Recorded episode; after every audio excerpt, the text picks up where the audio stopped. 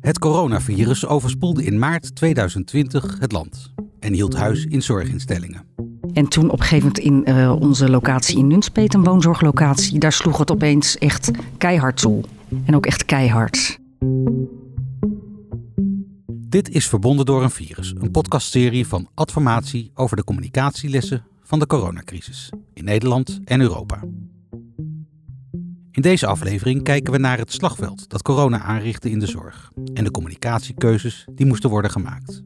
Daarvoor ben ik afgereisd naar Harderwijk, naar Anita Kiers, hoofdcommunicatie van de zorginstelling Noordwest-Veluwe. Helemaal onvoorbereid was de instelling niet op de komst van corona. Nou, wij zijn vrij vroeg eh, met een crisisteam bij elkaar gekomen. En daar zat uh, specialist ouderengeneeskundige in, onze voorzitter van de raad van bestuur en een aantal van de directeuren. Maar ook onze Arbo-veiligheidscoördinator en communicatie was daarbij betrokken verpleegkundigen, dus allerlei disciplines.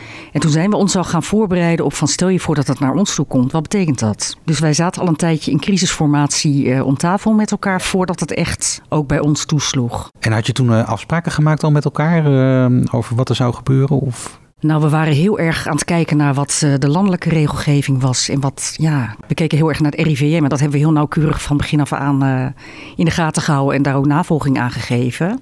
En in het begin, ja, we wisten echt niet wat er op ons afkwam. En ook in de eerste locatie waar corona zich aandiende, dachten de, de mensen die daar werkten van wat, wat is er aan de hand? De een na de ander werd heel erg ziek. En wat doen we? Wat gebeurt er? Wat kunnen we doen? En uh, het was compleet nieuw. Wat gebeurde er in Nunspeet? Wat, uh, kun je nog herinneren wat, wat, wat jullie toen zijn gaan doen? In, het, in de gemeente Nunspeet zelf was een enorme uitbraak. Ook uh, rondom, misschien hebben jullie dat nog wel gehoord, een koor dat uh, daar nog op een zondag opgetreden had. En ja. daar was echt een slagveld onder ook.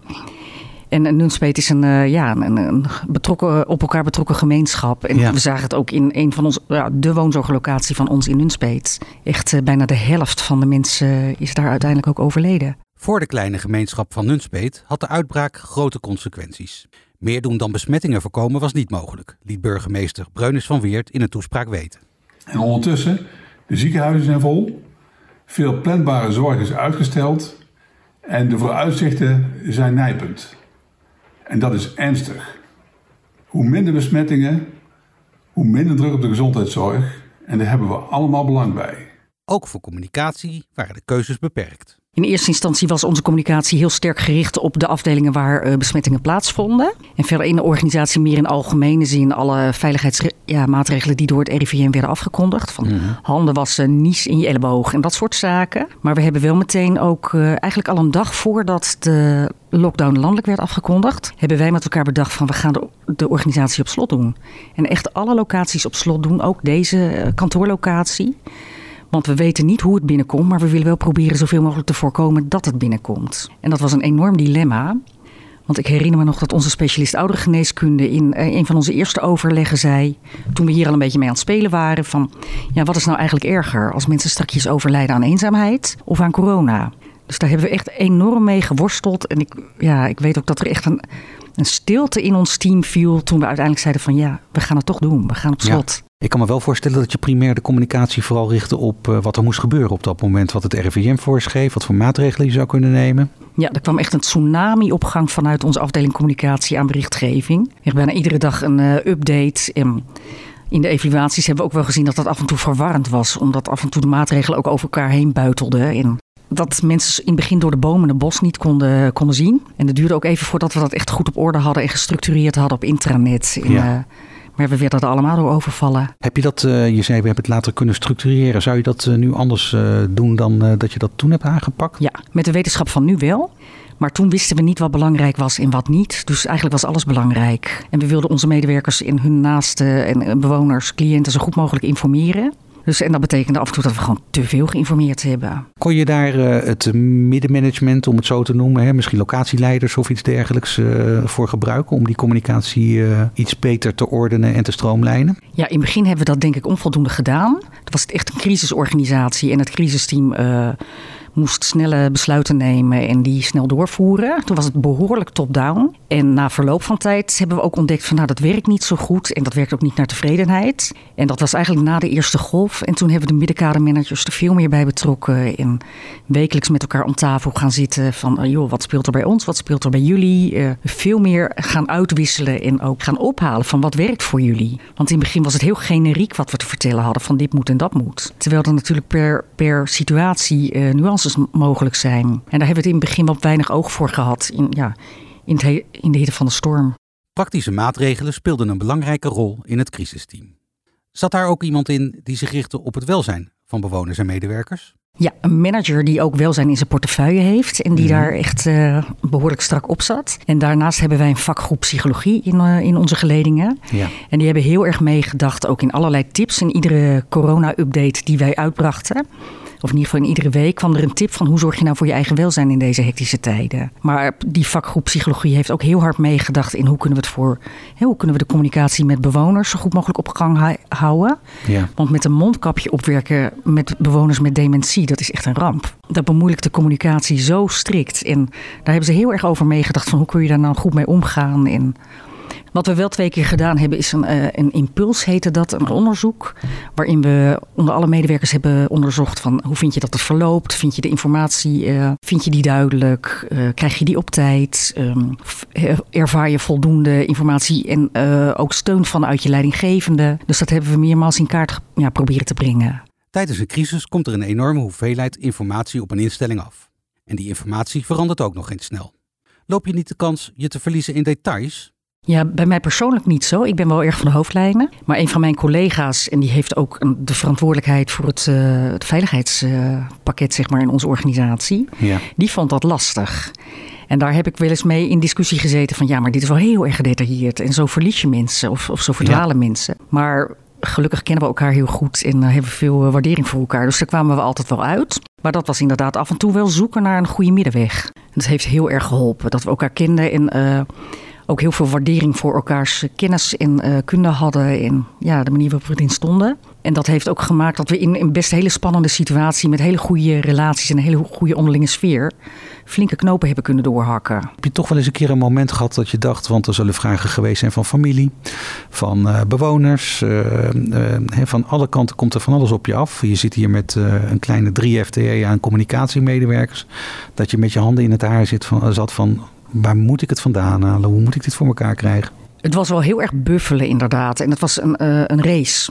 Ik heb niet altijd even voldoen, even genoeg. Nee, ik heb niet altijd voldoende tijd genomen, denk ik, om dingen goed te overdenken. Mm-hmm. Soms moest het gewoon door. En ja. moest het voor een bepaald tijdstip door. Dus in die zin wel, maar ja, het was ook een hele mooie tijd aan de andere kant. Want je was allemaal met hetzelfde bezig. En we waren allemaal super gemotiveerd uh, om het zo goed mogelijk met elkaar te doen. Met name in die eerste golf heb ik heel veel verbinding in de organisatie ook gevoeld. Dat is ook een mooie kant ervan.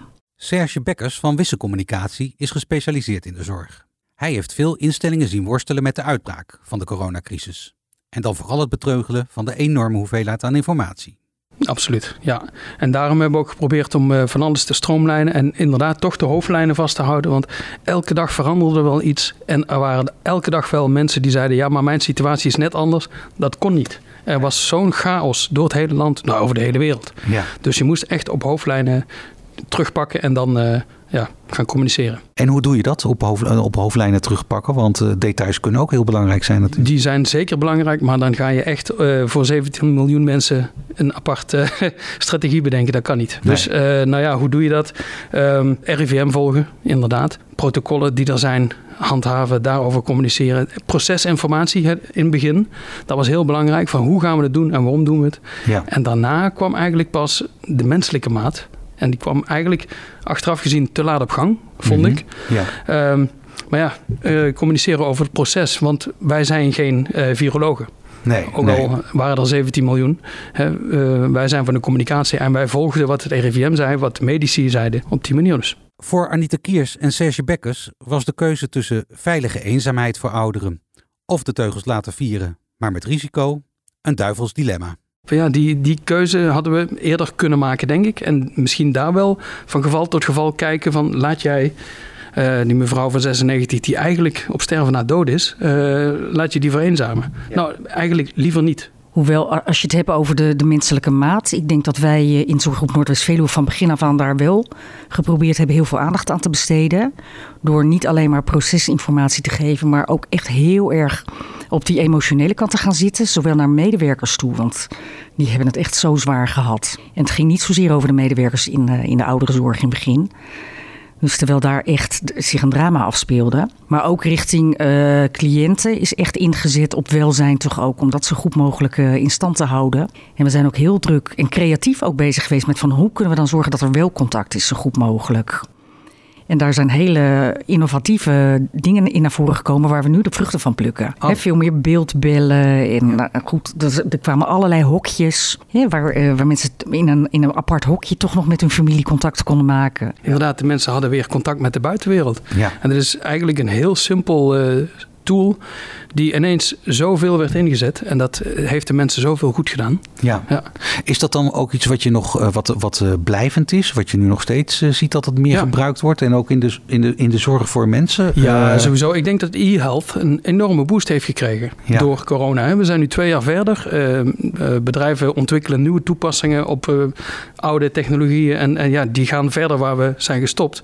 Met menselijk contact zonder direct contact te hebben, denk ik. Dat zie ik veel, veel in de sector. Ja, je, je bent zoveel beter verbonden nu dan twee jaar geleden. Omdat elke instelling, nou ja, iedereen, heeft de mogelijkheden om uh, elektronisch contact te hebben, zeg maar. Ja, en even terugkomend op wat jij net zei, Serge. Um, ook hier, sommige uh, thuiszorgcliënten die wilden ook niet meer dat de zorg aan de deur kwam. Die hadden zoiets van blijf jij maar buiten. Ach. En zo is bij ons beeldzorg uh, ook echt in opkomst gekomen. En we hebben recentelijk een pilot gedraaid en zijn het nu verder aan het uitrollen. En een x-aantal cliënten vindt het ook echt leuk om mee te doen. En uh, vindt het een prima manier om contact te hebben met de zorg. Het maakt ze veel vrijer ook. Ja. Je hoeft niet te gaan zitten wachten tot, uh, tot de thuiszorgmedewerker bij je aanklopt. Ik hoorde laatst het verhaal van iemand die hier in de HEMA zat. En eventjes contact zocht met de thuiszorgmedewerker om daar eventjes de afstemming te doen. En gewoon ja. zijn leven verder kon doorgaan. Dus het heeft denk ik ook uh, oudere cliënten heel veel gebracht. Serge Bekkers is voorzitter van de Practice Group Gezondheidszorg van WorldCom. Dat is een netwerk van 132 communicatiebureaus in 49 landen. Binnen dit netwerk had iedereen direct door dat er een enorme communicatieopdracht voor ze lag. Ja, en dat was al heel snel duidelijk. En we hebben inderdaad uh, wat uh, ja, overleg gehad van wat gebeurt er bij jullie. Maar dat we nou echt... Uh, we hebben informatie uitgewisseld, maar iedereen zat in hetzelfde schuitje bleek. de ja. verschillen waren niet zo groot als we hadden verwacht. Nee. Dat was heel grappig. Uh, dus nou ja, we hebben een paar landen geanalyseerd. Zeg maar de UK, Frankrijk, Scandinavische landen die toch dicht tegen ons aan liggen. Ja. Um, de, het land dat daar uitspringt is Zweden. Die hebben dat heel erg losgelaten, hè, de maatregelen. Ja. En dat was anders dan de rest van de wereld, voor zover ik kan overzien. Ja. maar voor de rest zaten we behoorlijk op één lijn. Zeker Ja. communicatief. Kun je die lijn benoemen? als je zegt we zaten op één lijn. Hoe, wat, Ja. wat, wat deed iedereen? Nou, iedereen communiceerde vanuit de overheid, top-down. En daar, daar zat een overheidsfunctionaris, een uh, minister-president of een uh, equivalent, plus een expert. Mhm. Uh, in Duitsland was het grappig, want mevrouw Merkel was en natuurlijk het hoofd van de regering en een expert. Ja. Dus zij was eigenlijk de spreekbuis van alles wat met corona te maken had in dat land. Maar dit, dit zag je dus overal. En die experts die kregen langzamerhand een grotere rol. Ja. Eh, een grotere rol dan bijvoorbeeld Mark Rutte. Want we hadden Gommers, we hadden uh, Kuipers, we hadden mevrouw Koopmans als viroloog. Mhm. En um, met name de Zweden, die heb ik daarover gesproken. Die zeiden, nou, bij ons buitelden ze over elkaar om maar aandacht te krijgen voor zichzelf en niet zozeer voor, uh, voor COVID. Dat was wel. Uh, en dat waren die experts? Dat of, waren die uh, experts, ja. ja, ja. En dat zag je bij ons ook wel uh, gebeuren natuurlijk. Af en toe. Um, nou ja, we hebben greenwashing, dat is bekend. Warwashing inmiddels. Van kijk, ons met Oekraïne omgaan. En ja, COVID-washing hebben we ook wel meegemaakt. Van. Kijk mij even verkondigen hoe het wel moet. Zweden was een vreemde eend in de bijt. Met aanvankelijk een veel minder ingrijpende aanpak. Was dat ook op het gebied van communicatie te zien? Ja, blijkbaar stonden de mensen er wel anders in dan in de andere landen. Hè. Ze, uh, laat, ik beginnen met uh, het feit dat mijn contactpersoon daar zei... wij vertrouwen de overheid niet. Dat is uh, standaard. Dat zeiden de Finnen ook. Nou ja, goed, waar, waar is dat wel? Ja. Er zijn landen waar dat meer is dan uh, in andere landen. In Zweden was dat gewoon standaard. Wij vertrouwen de overheid niet. Nee. En het is wel grappig dat de overheid dan, als ze dan de... Um, alles zo loslaten zoals ze hebben gedaan, daar hebben ze wel heel veel goed mee gedaan. En later zijn ze wel op, uh, bij een nieuwe variant op die maatregelen toch weer moeten terugkomen. Want er waren toch meer mensen in het ziekenhuis, toch meer sterfgevallen. En toen nam het vertrouwen in die overheid verder af, zag je. Weet je wat het ook mee te maken heeft met een Johnson die uh, feestjes organiseerde, hè, met uh, Grapperhaus die op een bruiloft stond. Kijk, als de publieke figuren zich niet aan hun eigen regels houden, ja. dan kelder je zo in die peilingen. En dat zag je in elk land. Het is ja, misschien onvermijdelijk dat het gebeurt, maar het is communicatief gezien wel heel dom. Een opgeheven vingertje, een boze minister die later ook niet zo zuiver in de leer blijkt. Het helpt allemaal niet, vindt Bekkers. Bij onze oosterburen zag hij wat wel werkt. In Duitsland was uh, een hele leuke campagne en die heette, dan moet ik het even goed zeggen, uh, hashtag bijzondere helden. En die bijzondere helden, dus de, de special heroes, die waren helden omdat zij niks deden. Ze bleven gewoon thuis met een zak chips. Ze gingen niet naar buiten. Zo hebben zij de hele jeugd enorm kunnen aanspreken via social media. Van alsjeblieft, blijf lekker liggen. Ja. Een heel uh, bijzondere campagne is dat ja. geweest. Zo worden wir zu Helden. Damals. In diesem Corona-Winter 2020.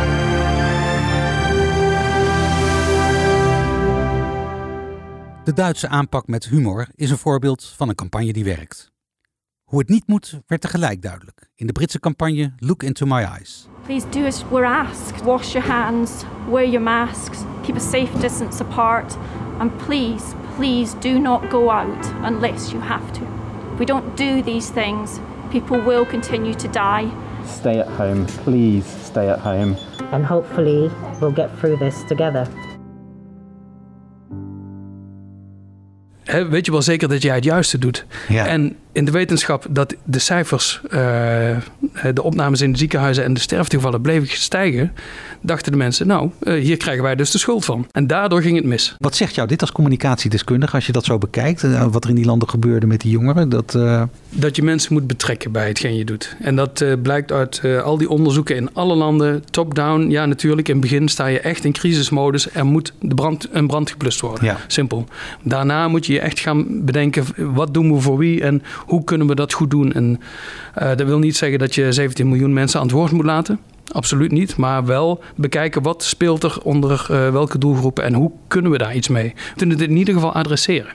Anita Kiers kijkt met gemengde gevoelens terug op de coronacrisis. Er zijn veel levens verloren gegaan en medewerkers hebben onder grote druk moeten werken. Tegelijkertijd heeft communicatie zijn waarde kunnen bewijzen. Ja, ja, en ik merk ook dat we veel meer betrokken worden bij allerlei projecten ook uh, in een vroeg stadium. En los van communicatie, wat het ons als organisatie ook gebracht heeft, is denk ik uh, het, uh, ja, het besef hoe sterk je met elkaar bent en hoeveel je in no time voor elkaar kunt brengen als je hetzelfde doel nastreeft. Dat er opeens een, een, een noodhospitaal gebouwd wordt voor de hele regio. En nou, waar, je, waar je normaal gesproken wellicht maanden over doet. Omdat de lijnen kort zijn omdat ja, de neuzen dezelfde kant op staan. Heb jij uh, met, met collega's uh, bij andere instellingen, heb je daar nog contact gehad? Want uh, jullie kwamen in één keer ook voor een gezamenlijk probleem te staan natuurlijk. Heeft dat die, informatie professioneel onderling verbeterd? we hebben contact met elkaar gezocht. Er zijn echt netwerken ontstaan ook in die tijd waarin we hebben uitgewisseld van wat werkt nu wel, wat werkt nu niet. En ook uh, hoe houden we het nu positief, de communicatie, zonder met dat vingertje te gaan wijzen wat je allemaal wil en niet mag. Maar vooral ook van hoe hou je het leuk en uitnodigend. En ook vanuit onze branchevereniging Actis uh, was, daar zijn verschillende platformen, onder andere rond marketing en communicatie. En ook daarin is het een en ander uitgewisseld. En onze bestuurder, en dat is dan niet zozeer op communicatief gebied, die, heeft echt, die, die werkte nog maar net bij onze organisatie. En in no time heeft hij mede door corona een enorm netwerk opgebouwd aan contacten in de regio, in, uh, in de veiligheidsregio onder andere. Maar opeens contact met allerlei burgemeesters en noem maar op. Ja. Dus hij heeft echt een vuurdoop gekregen, waardoor hij een prachtig netwerk heeft kunnen opbouwen. Ik sprak met Anita Kiers, hoofdcommunicatie van de zorggroep Noordwest-Veluwe. En met Serge Bekkers, managing partner bij Wisse Communicatie en voorzitter van de practice group Gezondheidszorg van het mondiale bureaunetwerk WorldCom. Dit interview is onderdeel van de serie Verbonden door een virus.